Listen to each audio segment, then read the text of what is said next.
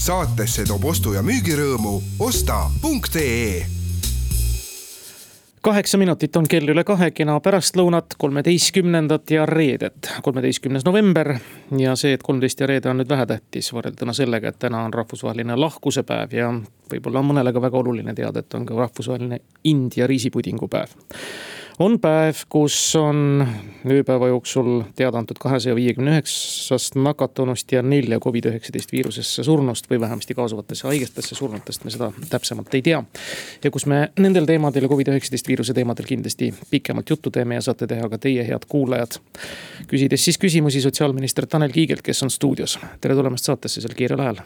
Tanel Kiik ja aitäh tulemast. ja tervist, tänan kutsumast üleeile, kui mõõdeti sada kolmkümmend kaks nakatunut tabasin ennast mõttelt ja kuidagi ehmatavalt mõttelt, kui hiljem analüüsida, issand, kui vähe, jumal tänatud. ja me, me rääkisime seda saja kolmekümne kahe nakatunu kohta. tõsi, viimased päevad enne seda olid olnud üle kahesaja nakatunu. aga kuis me siis nüüd selles seisus oleme, et kolmekohaline arv ja nakatunute arv on vist tõusnud juba varsti kuu aega järjest tõesti on äh, Eesti kahjuks jõudnud ka sellesse faasi, võiks öelda, Läti ja Leedu olid natukene meid, kus äh, viiruse numbrid on päev-päevalt muutunud mitte enam kümnetesse, vaid juba ulatuvad sadadesse. ja tõusunurk on küll murettekitavalt kiire, aga praeguse seisuga, kui inimesed võtavad ennast nii-öelda tõsiselt kokku, käituvad vastutustundlikult, äh, arvestavad valitsuse poolt kehtestatud suuniseid ja reegleid. siis ma julgen arvata, et äh, järgmised nädalad saavad olema otsustavad, kas me saame selle nurga murtud ja detsembrikuus taas langusfaasi. või me peame hakkama veelgi rangemaid piiranguid kasutusele võtma, mida tegelikult sooviks vältida, sest meie peamine võib-olla erinevus kevadega võrreldes ja tõesti otsus on ju olnud, et. sügisesel lainel hoida Eesti elu võimalikult avatuna ehk mitte lasta viirusel nii-öelda meid kõiki kodudesse ja, ja võib-olla töökohtadest eemale ja haridusvaldkonnas lapsi koju ja, ja muul viisil tavapärast ühiskonnaelu rikkuda ega vist kevadine ehmatus ja need hästi suured piirangud, mis peale pandi ja tõesti lapsed koju, majanduse kinni või noh, poed kinni sundisid, oli suuresti ju tingitud sellest, et me ei teadnud, mis see viirus siis oli. täna me teame viirusest oluliselt rohkem. ja kevadel põhjustas ka ehmatuse muidugi ka suremuse ootamatu ja hüppeline kasv, hiljem on vist välja tulnud küll see, et need inimesed, valdavalt vanemaealised ja väga haiged, noh lihtsalt moel või teisel oleks läinud noh, muudegi haigustega? no seda on väga raske öelda ja kohati ka võimatu öelda. ehk et kui me räägime näiteks inimesest, kellel võib olla kroonilisi haigusi, ta võib-olla oleks elanud nendega veel kümneid aastaid. ja me teame seda, et eh, nii Eestis on olnud ka viiekümnendates eluaastates meie seast lahkujaid, Lätis, Leedus on kolmekümnendates, mis mõjub hoopiski ehmatavamalt. ehk tegelikkuses see viirus ja see haigus on piisavalt veel tundmatu, piisavalt palju võib öelda teadmatust tekitav nii arstkonnas, inimestes, et eh, me ei ole me ei saa kunagi öelda sada protsenti ette, et vot need inimesed siin on äh, nii-öelda ohust väljas ja neid see haigus tõsiselt ei taba või ei ohusta ja need seal on riskirühmas. tegelikkuses neid erinevaid juhtumeid maailmast, äh, lähiriikidest, kus ka pealtnäha terved inimesed saavad küllalt suure viiruse doosi, mis tegelikkuses nende organismi nende rivist välja lööb ja halvemal juhul surmaga lõpeb. Neid kahjuks tuleb ette ja nendeks peame ka Eestis valmis olema käimas on ka vaimse tervise kuu, Tanel. kui palju nüüd on Vabariigi Valitsuse istungitel teadvustatud või noh, arvesse võetud seda, millest avalikult väga ei räägita. et see uus nii-öelda ängistav foon, mida see viirus on loonud ja vastavad otsused teinud ja need murelikud uudised on olulisel määral tõstnud enesetappude arvu no tõsi on see, et enesetappude number on olnud murettekitavalt kõrge Eestis püsivalt. ehk me räägime aastas suurusjärgus kahesajast suitsiidist ja tegelikult see number on tänavu tõenäoliselt tulemas nii-öelda halvas mõttes viimaste aastate rekord. Me ei ole päris kindlad ja selle üle oleme palunud ka teha teatud uuringut, et kui palju võib olla seotud otseselt nii-öelda Covid-19 küsimustega, kui palju on seotud võib-olla kasvõi kaudsete mõjudega, mis puudutab siin töövaldkonna küsimusi. ja loomulikult, kui palju on tegelikult kõikvõimalike muude, võib-olla siis meediast loetu või ühiskonnaelus kogetu või eraelus kogetuga. ehk päris üks-ühele seost ei saa panna just nimelt konkreetselt võib-olla suitsiidinumbrite ja Covid-19 olukorra vahel. aga loomulikult vaimse tervise murede mõttes kindlasti on see toonud kaasa lisakoormust, lisamurekohti, lisapinget ja survet ja stressi inimestele. see on ka põhjus põhjus, miks me oleme eraldanud juba kriisi ajal, eriolukorra ajal raha nii ohvriabile, psühhosotsiaalsele kriisiabile. ja miks ka järgmise aasta eelarves on ette nähtud konkreetselt eh, kliiniliste psühholoogide kutseaasta rahastamine. ja veel eh, kuussada tuhat eh, muude vaimse tervise murede, kus eeskätt fookus on lapsed, lasteabitelefon, seal on nii-öelda koolis kiusamise sellise mõistliku käitumise ennetusprogrammid ja, ja muud taolised meetmed sees, ehk kokku on miljon eurot nii-öelda lisaraha arvestatud järgmisel aastal puhtalt vaimse tervise valdkonna tugevdamisse. Saatesse toob ostu- ja müügirõõmu osta.ee. kuusteist ja pool minutit on kell üle kahe, stuudios on külas sotsiaalminister Tanel Kiik eile siis sai nüüd ametliku kinnituse Vabariigi Valitsuse teisipäeval juba kokku lepitud piirangud. no liikumisvabaduse piirang kaks pluss kaks ja kümme pluss kaks. no kaks pluss kaks reegel on meil kevadest tuttav ja see kahemeetrine vahemaa restoranides, laudades või noh, toitlustusasutustes. kus võib koos viibida kuni kümme inimest, nii et väiksemaid pidusid saab pidada, mitte et me seda mõistlikuks praegu peaks ja pluss veel ka see kurikuulus tungiv soovitus kanda maski, kuidas sellega on, kas te olete nüüd või ei olegi lõpuni vaielnud teemal, kas ja mis mõttes on mõni õigusnorm, mis lubab kanda või ei luba kanda toda maski, sest et noh, nüüd on vist Eesti inimesed ikkagi, ma loodan väga, et aru saanud, et rahvatervislikel eesmärkidel palun kandke maski. aga noh, kui see palun ära võtta ja hüüumärk järele panna, kas tohib seda teha või mitte ei, seadus loomulikult lubab kanda maski no,. küsimus selles, et eh, kas ta annab võimaluse valitsusele või terviseametile seda kohustada. selle üle tõesti on erinevad koolkonnad, justiitsministeeriumi juristid ütlevad, et nende analüüs näitab, et jah, see on võimalik, kui see on põhjendatud, õiguskantsleri kantselei on skeptilisem. eeskätt just selles vaates, et eh, mis need argumendid on, kui veenva on see kaitsetegur ja võib-olla laiemalt ka, mis on selle nii-öelda majanduslik mõju ehk et kui panna rahaline koormis nii-öelda inimesele.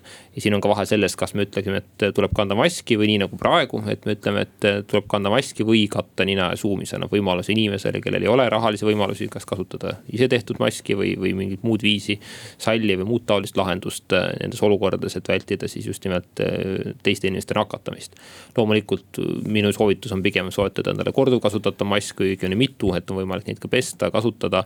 väga palju tööandjad on seda teinud oma töökollektiividele, sellest tahaks neid tunnustada ja üles kutsuda taaskord, et sel aastal jõulupidude raha, jõuluürituste raha suunata pigem töötajate tervisekaitsesse, soetada oma kollektiivile korduvkasutatavad maskid, mis annab võimaluse nii töötaja nii-öelda tervisekaitset tugevdada, samamoodi üleüldist viiruse levikut tõkestada.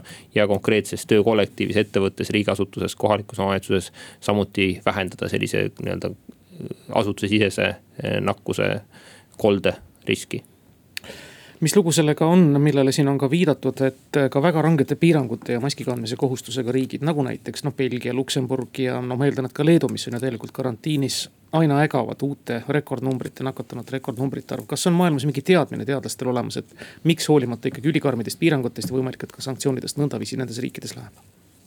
Noh, tegelikult äh, parim teadmine on see, et kõik piirangud mõjuvad viitajaga. ehk et ka tänased nakatumise numbrid vaadates peame arvestama, need on inimesed, kes nakatusid neli, viis, kuus, võib-olla seitse päeva tagasi. ehk need ei ole need, kes nakatusid täna või eile. ehk äh, alati on teatud peiteperiood sel viirusel, teatud aeg, enne kui ilmselt sümptomid tekivad. ja see on ka tegelikult Belgia, Tšehhi ja teiste riikide puhul noh, nii-öelda täheldatud. et praegu siiski on mõlemad äh, langusfaasis. ehk nii Belgia numbrid kui Tšehhi nakatunute näitaja saja tuhande elaniku kohta on praegu selgelt alla tulemas ehk näha, et nüüd eh, viiruse leviku tõkestamise meetmed tõenäoliselt koosmõjus ka sellega, et see puhangul on ka oma selline nii-öelda loomulik kulg. on aidanud eh, viiruse olukorda kontrolli alla saada, haiglates olukorda parandada.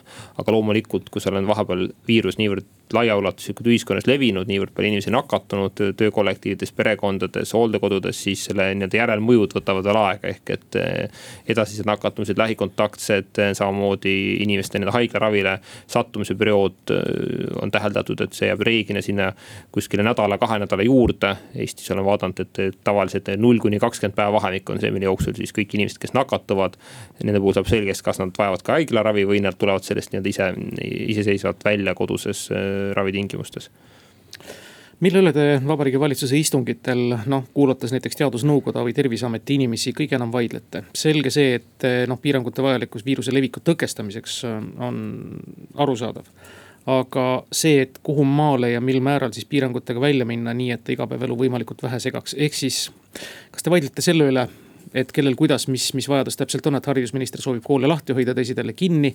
või on seal pigem see juriidiline nüanss, et kas me ikka tohime, ilma et me hiljem pahandustesse satuksime no eks kokkuvõttes need arutelud on mitmekülgsed. ma ütleksin üsna üheselt valitsuse laua taga ei ole ministrit, kes sooviks haridusvaldkonda saata laus äh, kaugõppele. kõik saavad aru, et midagi teha ei ole, eriti madalamates klassides selgelt koha peal äh, õpilane omandab rohkem teadmisi no,. see on ka mõistlikum, äh, see on ka mõistlikum absoluutselt, kui me räägime nii-öelda laste ja pereelu ühitamisest vabandust, töö ja pereelu ühitamisest. ehk me ei saa panna sellist koormist ka lapsevanematele, et nad hakkavad oma esimese, teise klassi lastega koos täie, täie rinnaga nüüd järgmised mitu kuud kodus õppetööd tegema. et see poleks ka mõistlik. mis puudutab võib-olla neid vaidluskohti, siis üks on see tõesti see maskide temaatika, kus me leppisime sellise nii-öelda kuldse kesktee, ta on selge suunis, ta on nii-öelda ürituskorraldajatele ühistranspordi vedajatele, kohaliku omavalitsuse riigiasutustele, ettevõtjatele ja ka elanikkonnale, et, et see on õige, seda tuleb teha. see peaks muutuma normiks, samamoodi palume sellist teavitustööd teha erinevates kanalites, nii ühistranspordis kui mujal. me näeme, et ka maskide soetamine on kasvanud, aga ta ei ole täna tõesti nii-öelda juriidiliselt sanktsioneeritav, ehk et ei käi Politsei- ja Piirivalveamet ega Terviseamet tänaval inimesi trahvimas ja see pole ka meie eesmärk, eesmärk on viiruse levikut äh, tõkestada. teine koht, kus äh, selgelt tulebki debatti jätkata, on nüüd avaliku ürituse osalejate piirarvud. et täna Eestis on lubatud siseruumides seitsesada viiskümmend, väliruumides kaks tuhat. me oleme võrreldes suvekuudega küll neid numbreid vähendanud, aga tegelikult on need Eesti numbrid jätkuvalt äh, ikkagi väga kõrged. ja hoolimata sellest, et meil ei ole suuri koldeid teadaolevalt teatrites või, või mujal sellistes ütleme siseruumide kontserdidel, üritustel alguse saanud, eh, siis on siiski erinevaid nakkusjuhtumeid ja on küllalt palju ka neid, kus me ei tea tegelikult, kus inimene selle numbri saanud on või nakkuse saanud on.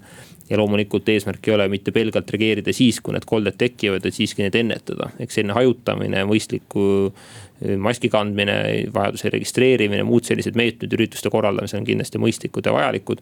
ja see debatt siin jätkub ka järgmisel nädalal üks selge asi, kus me oleme täheldanud teie muidu väga tasakaaluk-, tasakaaluka inimese ärritumust, on see, kui te võtate sõna pressikonverentsidel selliste sõnumite vastu. näiteks, et kas George Floydi juhtum tõestab, et koroonaviirus oli pettus. see on teadagi, mis Telegrami portaal ja muud sellised sõnavõtud ja jagamised äh, sotsiaalmeedias ja erinevatel, noh, kuidas nad ennast nimetavad, alternatiivlehtedel. see on nüüd selgelt kuritegelik asi, kas on plaanis midagi nüüd väga konkreetset ette võtta selgelt sõna on vaba ja arvamus ka, aga ilmselgelt, kui see hakkab nüüd tervisele kahju juba avaldama ja, ja rahva tervist nii-öelda otseselt ohustama, noh stiilis MMS ja nii edasi. Tegelikult libauudiste levik ja selline nii-öelda libameditsiini tihtipeale inimese tervist kahjustavate soovituste andmine, see on kasvav trend, see on probleemne trend, seda oleme arutanud ministeeriumiga, perearstide seltsiga, terviseametiga, tegelikult Maailma Terviseorganisatsiooni juhiga juba enne seda koroonaviiruse kriisi. ehk et see on üks koht, kus ma näen, et eh, ka teadlaste kogukond peab rohkem pingutama ja kogu meditsiinikogukond, et oma sõnumitega jõuda paremini inimesteni. ka mitte ainult läbi nii-öelda riikliku meedia või erameediakanalite, vaid ka just nimelt sotsiaalmeedias ja mujal, kus inimesed infot äh, ammend, infot nii-öelda koguvad ja, ja seda saavad, ammutavad. Tänagi oli tegelikult meil teadusagentuuri korraldatud äh, nii-öelda teaduskommunikatsiooni teemaline konverents, eeskätt Covid-19 teemal, aga ka seal tõin selle välja, et, et ma arvan, et me peame arvestama, et me ei saa piirduda sellega, et me teeme põhjaliku teadustöö, kus on sadu lehekülgi andmeid ja tabeleid ja, ja jõutakse veenvate tulemusteni. meil on vaja see kuidagi visualiseerida, oluliselt lihtsamate sõnumitega jõuda ka, jõuda ka elanikkonnani, on see maskide küsimuses, on see testimisküsimuses, on see haiguse küsimus. aga mis mind tõesti natuke ärritab või ütleme siis pahandab, on see, kui ja inimesed jagavad äh, ajuvabat teksti äh, mõeldes, et, et see konkreetne viirus on välja mõeldud. maailmas viiskümmend miljonit inimest, kes on nakatunud, sellest üle miljoni surnu. Eestiski me teame, et meil on üle seitsmekümne surmajuhtumi, meil on äh, nakatunud üle kuue tuhande inimese. et kuidagi hakata rääkima, et see nüüd on kuidagi välja mõeldud inimesed ja neid pole olemas ja haiglaravil viibinud inimesed kuussada tükki, ka neid pole siis justkui olemas või, või nad on kuidagi ma ei tea, siis suure, suuremad saate vandenõu ohvrid ja ise ka aru ei saa, miks nad haiglas on, et noh, see ei ole nii, eks ole, et, et kõigi veend-, ma arvan, üha rohkem on inimesi, kelle tutvusringkonnas juba neid kogemusi on. aga kui ei usu, siis tasub äh, lugeda, vaadata, mis maailmas on toimunud, kui palju on tegelikult Covid-19 tõsistusega inimesi. kui paljud on sellest raskest haigusest välja tulnud, kui paljud kahjuks ei ole sellest välja tulnud. et hakata rääkima, et viirused on maailmas inimeste välja mõeldud, no ma pean siin kohapeal tuletama meelde, et viirused on, siin on planeedil enne meid olnud ja on siin tõenäoliselt ka pärast meid ja arvata, et juba siin tuhandete aastate tagusel ajal, kus esimesi selliseid epideemiaid on kirjeldatud, oli tegemist kellegi vandenõuga ja väljamõtlemisega, no see on lihtsalt jabur aga vist on ka nõndaviisi, et mõned inimesed jäävadki päris lõpuni usklikeks välja, jaga neile, mida tahad või selgita neile või kirjuta neile doktoritöö kasvõi sel teemal, et tõepoolest viirused on olemas, et nemad on ka seda meelt, et asfaldipragude vahel elavad siiamaani reptiilid, kes ühel hetkel üles ärkavad ja hakkavad maailma muutma. Tanel, mis on uus reaalsus nüüd? Tegelikult, äh, kas me peame jõuludeni noh, päris lihtsalt realistlikult arvestama ja mõtlema, et ongi see, et me iga päev loeme kolmesajast, neljasajast uuest nakatunust ja no varsti üle saja hospitaliseeritu ja peamegi siis õppima sedaviisi selle viirusega koos elama no meie eesmärk loomulikult on see, et, et see viiruse number, nagu ütlesin, hakkaks langema. ehk äh, me teame, et nakatunute numbrid liiguvad teatud viiteajaga võrreldes erinevate reeglitega, võrreldes inimeste käitumisega. ehk meie tänased valikud avaldavad nii-öelda mõju kuskil nädala pärast, ehk see on reaalsus, sellega arvestame, et, et me ei arvanudki naiivselt, et kui valitsus otsustab teisipäeval või neljapäeval mingid meetmed, siis nädalavahetusel need numbrid hakkavad alla minema, nii ta lihtsalt ei käi. Äh, kui nüüd me näeme, et novembri teises pooles äh, võib öelda jätkuvalt see numbrite arv, nakatunute arv näitab tõusufaasi faasi, siis meil tuleb minna karmimate meetmete teed. väga loodame, et seda teha ei tule, ehk et me näeme teatud stabiliseerumist esmalt ja siis juba langusfaasi.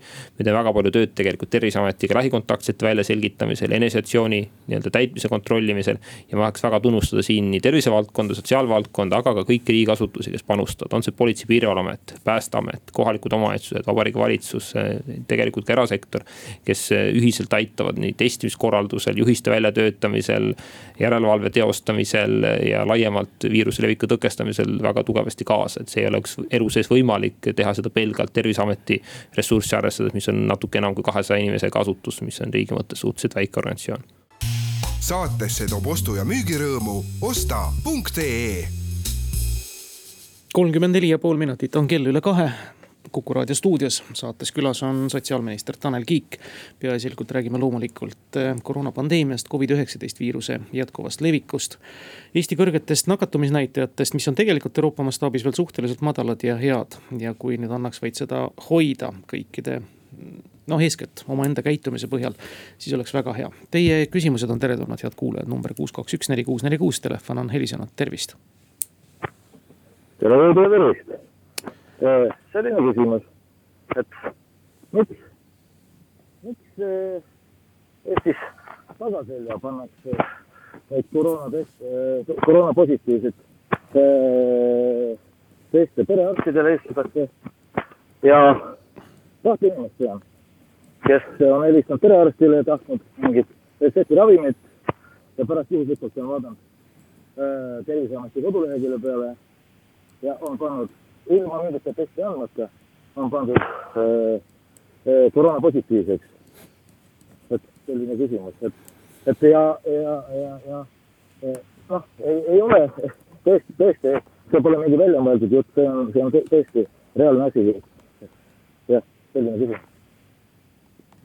nii, kas see on uus fakt teile?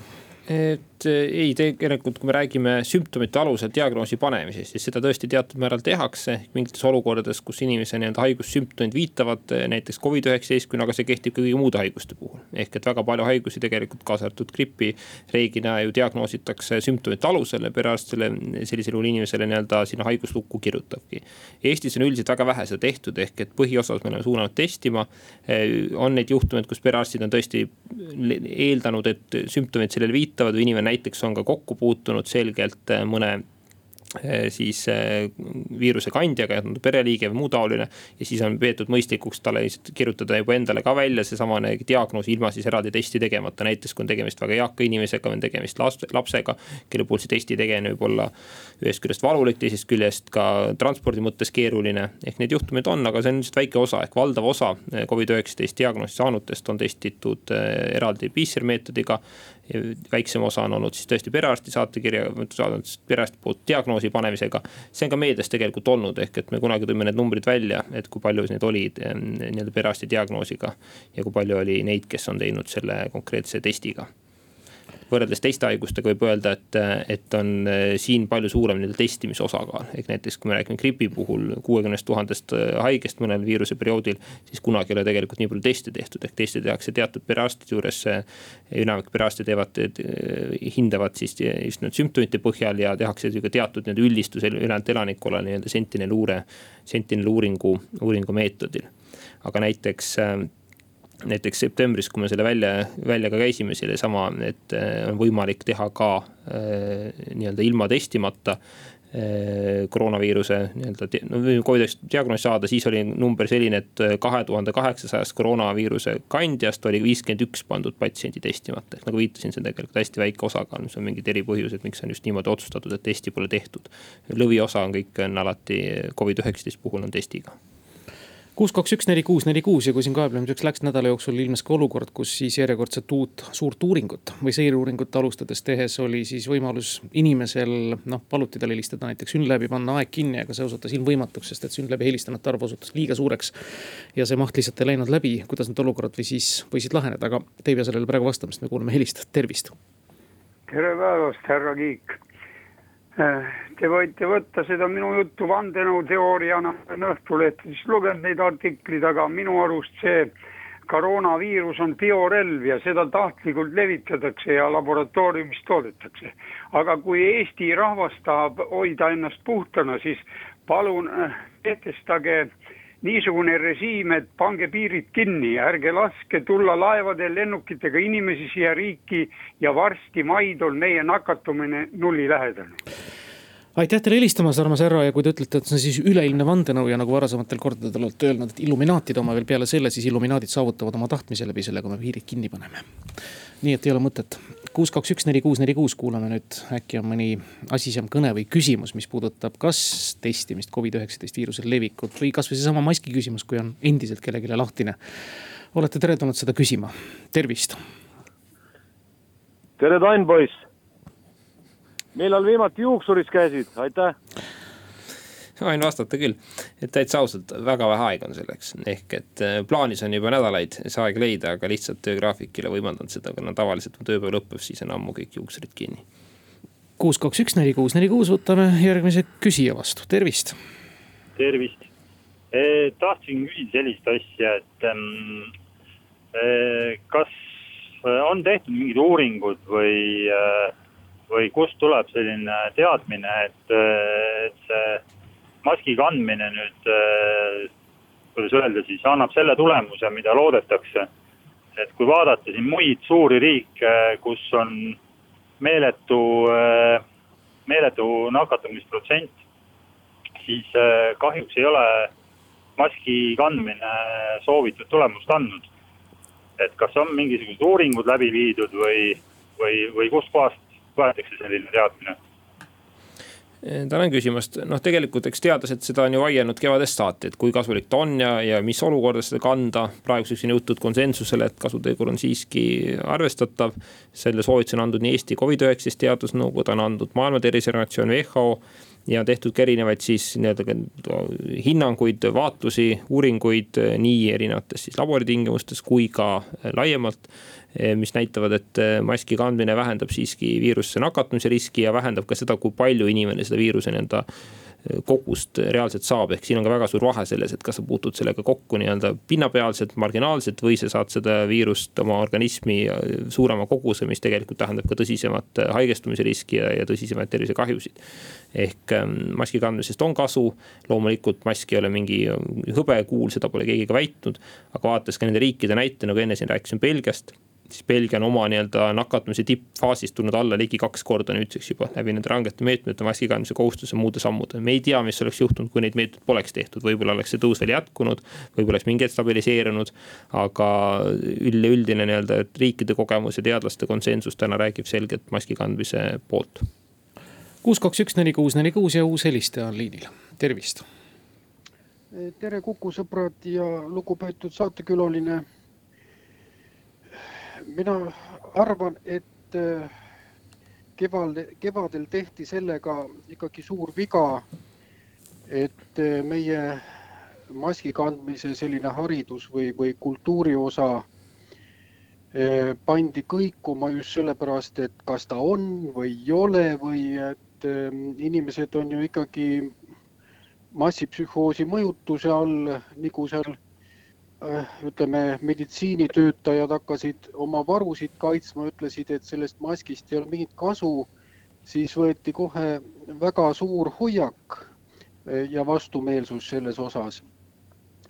Äh, arvestamata, et kui me vaatame idapoolseid riike, kus on, ütleme, targad traditsioonilised kultuurid, Jaapanid ja Hiinad ja, ja kantakse maske kõikides võimalustes, seal on ju suurlinnad on ju õhusaaste kahjustusega ja nii edasi, et seal, seal on see varakult juba see kultuur olemas.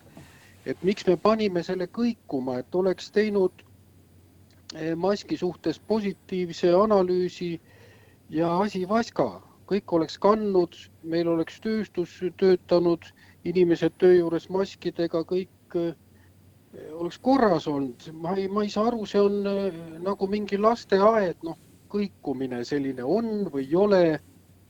pange paika ja lõpetage ära, siis iga inimene otsustab, kas ta noh, tahab oma elu eest seista või ei taha, on ta hooletu või ei ole aitäh helistamast, see oli rohkem kommentaar või soovitus kui küsimus, aga palun. hea meelega vastan, ehk eh, kevadel tõesti on lisaolukorras mitmes mõttes. ehk eh, üks asi on see, et me ei teadnud ju väga palju selle haiguse kohta. me ei teadnud selle viiruse leviku teede kohta, me ei teadnud ka selle kohta, eh, kauaks ta meie sekka jääb, millised on riskirühmad ja nii edasi, see kõik info järk-järgult täpsustus. võib öelda, et talvekuudel tulid esmased teated sisse ja, ja kevade-suve jooksul oleme saanud märksa targemaks, kui olime toonase puhangu algfaasis. samamoodi on selle maski nii-öelda debatis muutunud oma seisukohta Maailma Tervise organisatsioon, teadlased. ja see on ka loomulik osa tegelikult ehk et uue info saamisel, uute teadmiste, uute tõendite saamisel vaadataksegi varasemad soovitused ringi. keegi pole kunagi öelnud, et maski kandmine on nüüd kahjulik tegevus, seda pole öeldud, küsimus on jah selles olnud, et kui suur see kasutegur on, selle üle on vaieldud. ja tegelikult äh, kevadel oli ka selge probleem, viitasite selles vaates õigesti, defitsiidile ehk et äh, üks asi on haiglate enda varud ja, ja laoseisud, mis olid toona hoopis väiksemad kui praegu, aga teine asi on ka laiemalt ehk ei olnud ju maske tegelikult maailmaturul saada. ehk väga paljud erinevad hanked, mida ka riik käivitas toona ja haiglad, nende reaalsed tarned tulid alles suve jooksul ja mõned tarned alles tulevad, ehk selles vaates toona ei olnudki võimalik inimestel ju mõistliku hinnaga apteegist maski soetada, ei olnud võimalik seda ka haiglatel tihti teha, tervishoiuasutustel, riigiasutustel laiemalt, ehk olime teises olukorras, vahepeal oleme suve jooksul saanud ühest vaatest targemaks, teisest küljest teinud ettevalmistusi, riigil on keskne varu erinevatele teenuseosutajatele, tervishoiule, sotsiaalvaldkonnale, elutähtsate teenuste jaoks suurusjärgus ühe kuu jagu, sotsiaalvaldkond isegi poolteist. lisaks on haiglatel ja teistel terviseasutustel endal veel kuu varu, ehk tervishoiu puhul me teame, et vähemalt kaks kuud tuleme toime. ja ka hulgimüüjad on saanud oma tarnekanalid tööle ehk erinevates apteekides täna on võimalik suhteliselt mõistliku hinnaga juba maske saada, mille kasutegur on küll erinev, tasubki veenduda, mis maski täpselt ostetakse, mis eesmärgil, on see tolmu tõkestamiseks, on see viirusosakeste tõkestamiseks, on see näo katmiseks, mis tahes muul eesmärgil. Sama küsimus on ka korduvkasutatavate maskide puhul ja me näeme, et ka tavalistes poodides ja võimalikes nii-öelda internetikeskkondades on täna võimalik soetada üsna suures erinevas ulatuses maski, mida tegelikult ju kevadel teha ei saanud. ehk et me olemegi uues olukorras, erinevas olukorras ja kui vaadata positiivset poolt, siis me oleme hetkel palju paremas olukorras, kui olime siis. Te kuulate saadet nelikümmend kaheksa minutit on kell üle kahe. meil on saates külas sotsiaalminister Tanel Kiik. sel kiirel ajal ja headel kuulajatel võimalus küsida sotsiaalministrilt küsimusi, peaasjalikult räägime ikka viiruse teemadest. tervist.